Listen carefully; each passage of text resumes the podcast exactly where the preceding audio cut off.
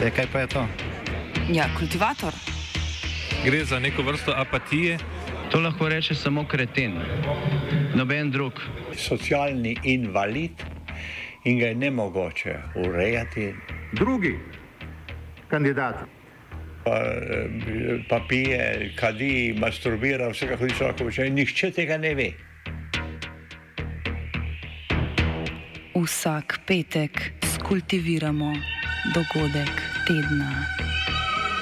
Lahko po kriterijih radio študent, težko pa po evropskih kriterijih. Ampak na drug način, kot vi to mislite. Kultivator vedno užge. da pač nekdo sploh omenja probleme, ki so in da pravzaprav sploh nekdo sproži dogajanje uh, v družbi. To drži, drži.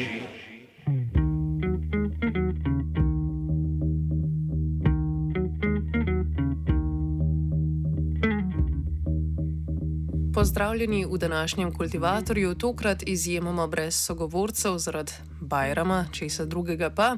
Je pa zato z nami Blaž iz aktualno-politične redakcije in bova kultivirala torej aktualno dogajanje v Sudanu. Že cel teden torej beremo vesti o spopadih iz te severovzhodne afriške države. Kaj točno se dogaja? Ja, res je. V soboto so se v Sudanu pričeli spopadi med dvema vojaškima frakcijama. Začeli so se z napadi um, sil za hitro posredovanje, bolj znanih kot RSF. Z zračnimi napadi in obstreljevanjem so napadli na več glavnih vladnih objektov. Že več tednov so se sile RSF-a pripravljale na upor proti vojski in se pozicionirale na strateške pozicije po državi. RSF vodi general Mohamed Habdan Dagalo, na drugi strani pa je de facto sudanski vladar in general sudanske vojske Abdel Fattah al-Burhan. Oba tudi trdita, da imata pod nadzorom ključne državne objekte, to so generalni vojaški štab, predsedniška palača, mednarodno letališče v Kartumu in pa nacionalna televizija. Večina spopadov je v prestolnici Kartum in pa v vzhodnji regiji Darfur, do včeraj pa je zaradi, po zadnjih podatkih, je do včeraj zaradi bojev umrlo 330 ljudi, od tega 270 civilistov, hkrati pa je bilo več kot 3000 ljudi ranjenih. Niso pa to prvi spopadi oziroma nemiri. Ki se dogajajo v Sudanu. Ne? Zgodovina nemirov v Sudanu traja v bistvu že vse od samostojnosti od Britancev leta 1956 in v tem času je v državi prišlo do več kot 50 vojaških udarov. Večino časa je državi vladala vojaška oblast. Kako pa se je začel tokrat? Ja, Sudan je res precej nemirna država. Um, tokrat je zaradi v bistvu povod je bil nestrinjanje glede reorganizacije voj vojske, ki je preložila podpis, se pravi, preložili so pred, podpis sporozuma, pardon, ki bi v državi vzpostavil civilno vlado. Um, na nje vlada generala Abdela Fataha al-Burhana, ki sem ga že prej omenil, decembra lani pristala po množičnih protestih, ampak je potem ta podpis večkrat preložila. Sporozum, do katerega na zadnje očitno ni prišlo, bi morala poleg obeh vojaških sil podpisati tudi krovna organizacija politične opozicije. Organizacija, ki združuje uporniške skupine proti dolgoletni diktaturi Omarja al-Bashirja, do katerega bomo kasneje še prišli, sindikate, ženske organizacije in revolucionarne politične stranke, pa je na koncu ostala brez besede. Al-Burhan in Dagalo se namreč nista mogla strinjati glede vključitve RSF-a v redno vojsko, ki naj bi se zgodilo v prehodu k civilni oblasti. Dagalo je hotel, da bi se vključitev zgodila v roku desetih let, medtem ko je Burhan ustrajal, da se mora zgoditi v roku dveh let. Potem pa je zapelo orožje.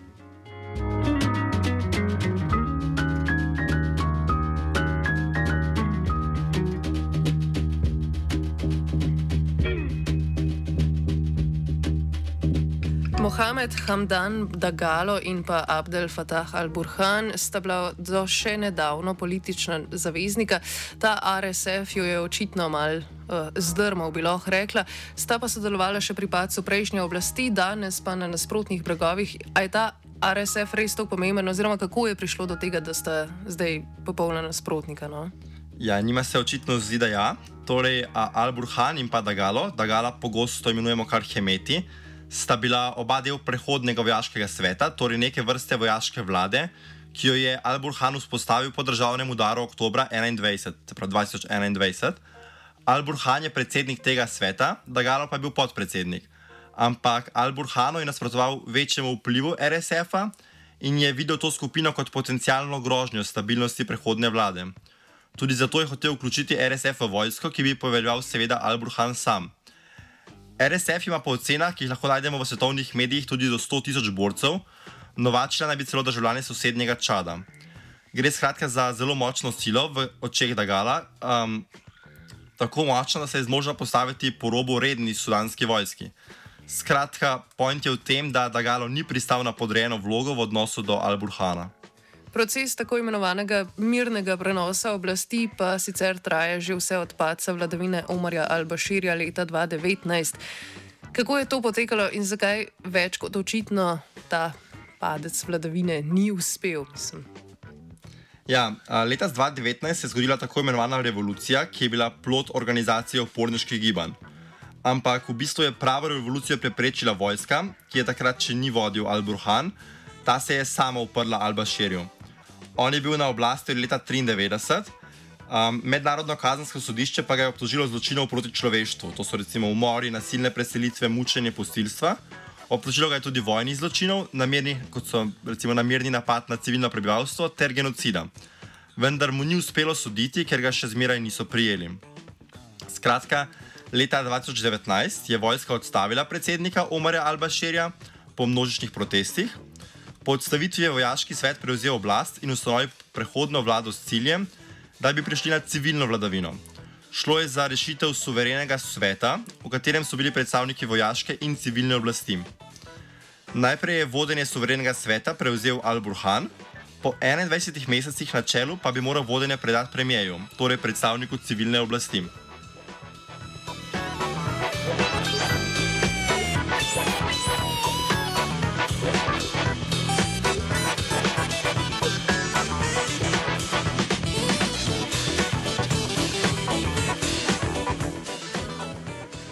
Um, sprva so se zdeli dosežki prehodne vlade obetavni, saj je bil dosežen dogovor o delitvi oblasti med civilnimi uporniškimi predstavniki in vojsko. Vendar pa se je proces prenosa oblasti zapletel, ko je vojska zahtevala, da ima veto na imenovanje vladnih uradnikov in nadzor nad nekaterimi ključnimi sektori, kot sta recimo obramba in notranje zadeve. Al-Burhan je sicer obljubil, da bo prepustil oblast civilni vladi, vendar so bili civilni voditelji skeptični glede njegovih namenov saj so menili, da vojska še vedno skuša ohraniti svoj vpliv v državi. No, Al-Burhan je na zadnje oktobra leta 2021 izvedel še en državni udar in razpustil sovereni svet, tik preden bi moral njegovo vodenje predati premijeju, kot je bilo dogovorjeno. Proces več kot očitno torej ni uspel zaradi tega, ker ima vojska v Sudanu še vedno preveliko oblast in je ni hotela izpustiti iz rok.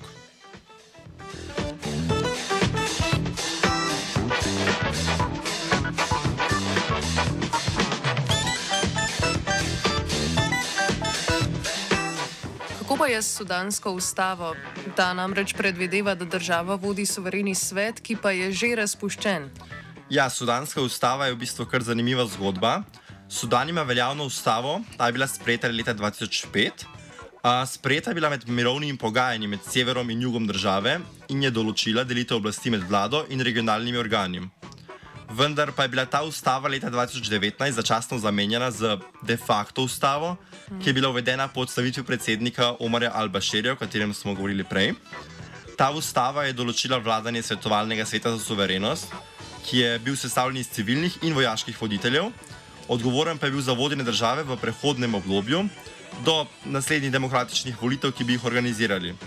Vendar pa je bil ta svet leta 2021 razpuščen, kar je pomenilo, da je ta de facto ustava, kot jo imenujemo, postala zastarela in ni več veljavna. Tako naj bi veljala ustava iz leta 2005, ki določa nekatere osnovne pravice in svoboščine, ter delitev oblasti v državi, ampak v vsakem primeru tam vlada vojska. Kako pa je ta suvereni svet deloval, preden je bil razpuščen in kdo v bistvu, oziroma kaj ga je sestavljalo? Ja, svet za prehodno suverenost je bil ustanovljen v Sudanu avgusta 2019, torej po odstavitvi nekdanjega predsednika Al-Bashirja in sicer strani vojske. Svet je bil sestavljen iz civilnih in vojaških voditeljev z namenom nadzorovanja prehodnega obdobja in priprave na demokratične volitve, kot sem omenil že prej v ustavi.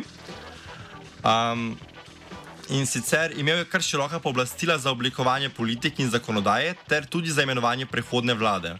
Vendar pa so se kmalo po ustanovitvi sveta pojavile napetosti med civilnimi in vojaškimi voditelji glede delitve oblasti in pa prihodnosti države, kar je oviralo proces prenosa oblasti in sprožilo nove proteste in nerede.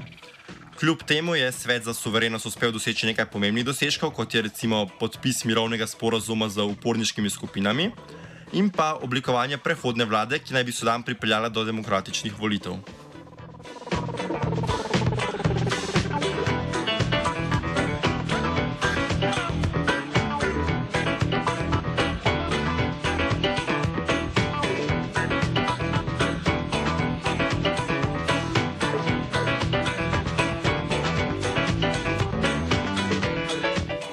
Kaj pa se je od zadnjega državnega udara dogajalo v sudanski politiki? Ja, torej, uh, če gledamo to obdobje po zamenjavi predsednika Alba Širja s, prehodno vojaško vlado, je prišlo do množičnih protestov, ki so zahtevali popolno demokratizacijo države. Protesti so se končali s podpisom civilno-vojaške oblasti v obliki prehodnega sveta za tranzicijo, ki naj bi bil uh, pripravil državo na demokratične volitve v treh letih. Vendar pa so se v procesu demokratizacije pojavile različne težave, vključno z uporniškimi gibanji v regijah Darfur, Južni Kordofan in pa Modri Nil. Poleg tega je večkrat prišlo do napetosti med civilno-vojaško vlado in RSF-om, ki naj bi preprečevali napredek pri reformah.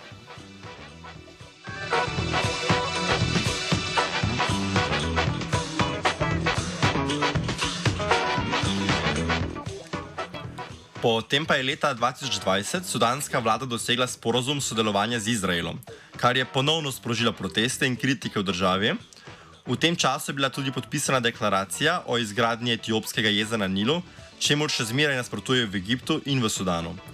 Marca 2021 je sudanska vlada sprejela zakon o odškodnini za žrtve terorističnega napada na ameriško veleposlaništvo v Kartumu, torej prestolnici, leta 1998, kar je omogočilo odstranitev Sudana seznama držav uh, podpornic terorizma. To je seveda seznam Združenih držav Amerike, kar pa je potem odprlo vrata večjemu mednarodnemu sodelovanju in pa dodatnim investicijam v državi. Zadnji dogodek je bil vojaški udar, ki se je zgodil oktobra 2021, ko je general Al-Burhan odstavil pre prehodnega premijeja Abdala Hamdoka. To je potem spet v klasični maniri sprožilo nove proteste, ki sta jih tako vojska kot RSF krvavo zatrla.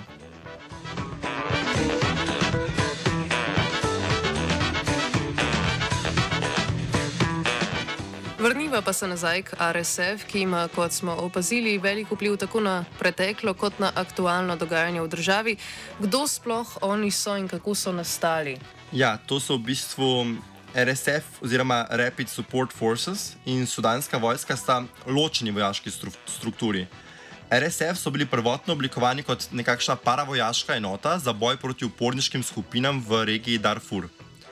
Sudanska vojska je na drugi strani redna vojska, ki ima hierarhično organizirano strukturo, sestavljeno iz več divizij in poveljstev. Številčno se sudanska vojska ocenjuje na približno 200 tisoč vojakov, kar je nekoliko več od nekaterih ocen za RSF. Kar pa zadeva etnične in verske razlike med RSF in sudansko vojsko, obe organizaciji vključujeta pripadnike različnih etničnih in verskih skupin v Sudanu, kar pomeni, da ni jasne ločnice med njima glede tega vprašanja. Izhaja pa RSF iz Darfurja na zahodu države. RSF so bile v bistvu ključno orožje v boju proti uporniškim skupinam in kriminalnim mrežam v Sudanu, medtem pa sudanska vojska uživa široko podporo nacionalistično naravnanih političnih in vojaških struktur v državi. Um,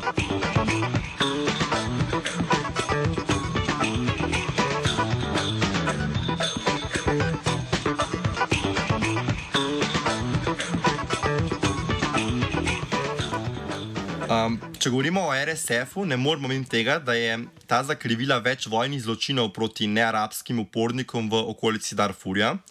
Gre za tako imenovani darfurski genocid, kjer je RSF masovno pobijal in prisilno preseljeval darfurske moške, ženske in otroke, kar se je dogajalo med konfliktom v regiji Darfur na zahodu Sudana leta 2003 in pa leta 2004. V konfliktu je umrlo več kot 300 tisoč ljudi, več kot 2 milijona pa jih je bilo prisiljeni zapustiti svoje domove. Kdo pa je že omenjeni Hemeti, torej vodja uh, RSF? Uh, ja, Hemeti je nekdanji pripadnik Džanžavit, torej predhodnikov RSF.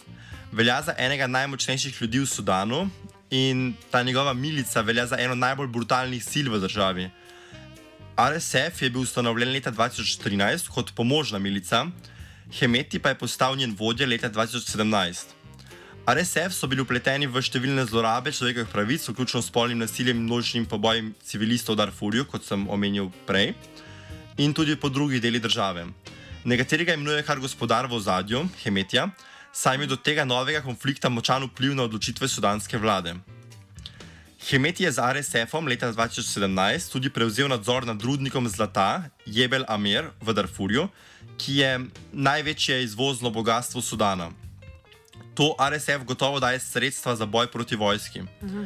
V zadnjih letih so se pojavila poročila, da RSF ta rudnik in tudi druge rudnike izkorišča, da bi financiral svoje dejavnosti, vključno s pridobivanjem orožja in pa izvajanjem vojaških operacij. Obtoženi so tudi bili, da so prisilili civiliste, da delajo v teh rudnikih brez plačila oziroma pod prisilo. Kako pa je pol spopati danes? Ja, um, veliko smo že poročali o tem, ampak če gledamo čisto aktualno dogajanje, RSF je, kot smo prej omenili, ker nismo dobili sogovornikov um, zaradi Bajrama, je prav z, s tem namenom pri, privolila v 72-urno premirje s sudansko vojsko. Um, poleg premirja so za Bajram enote RSF odprle tudi številne humanitarne koridorje, ki civilistom omogočajo evakuacijo z vojnih območij. Kljub napovedi premjerja pa je bilo v prestolnici Kartum zgodaj zjutraj že slišati streljanje in eksplozije po poročanju različnih medijev. Kartum je od začetka bojevanja med sudansko vojsko in RSF-om zapustilo več tisoč ljudi, ki v večini bežijo proti sosednjemu Čadu prek regije Darfur, kjer pa prav tako potekajo spopadi. General sudanske vojske in de facto vodja vojaške vlade Abdel Fattah al-Burhan v ta vnaprej v nekemu naprej pripravljenem posnetku, ki so ga danes objavili na Facebooku, ni omenjal premirja z enotami RSF-a. Al-Burhan je dejal, da pričakuje predajo RSF-a, um, zaključka bojev, v katerih na koncu nastradali ljudje, pa zaenkrat še ni videti.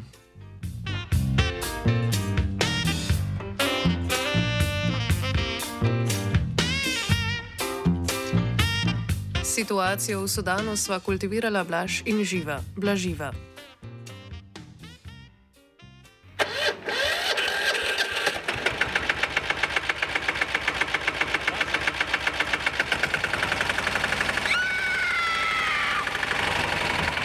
E, kaj pa je to? Ja, kultivator. Gre za neko vrsto apatije. To lahko reče samo kreten, noben drug. Socialni invalid in ga je ne mogoče urejati. Drugi kandidat. Pa, pa pije, kadi, masturbira, vse kako ti človek počne, nihče tega ne ve. Vsak petek skultiviramo dogodek tedna. Lahko po kriterijih radio študent, težko pa po evropskih kriterijih. Ampak na drug način, kot vi to mislite. Kultivator vedno užge. Da pač nekdo sploh omenja probleme, ki so, in da pravzaprav sploh nekdo sproži dogajanje uh, v družbi. To drži, drži. Radio student, still the best in town.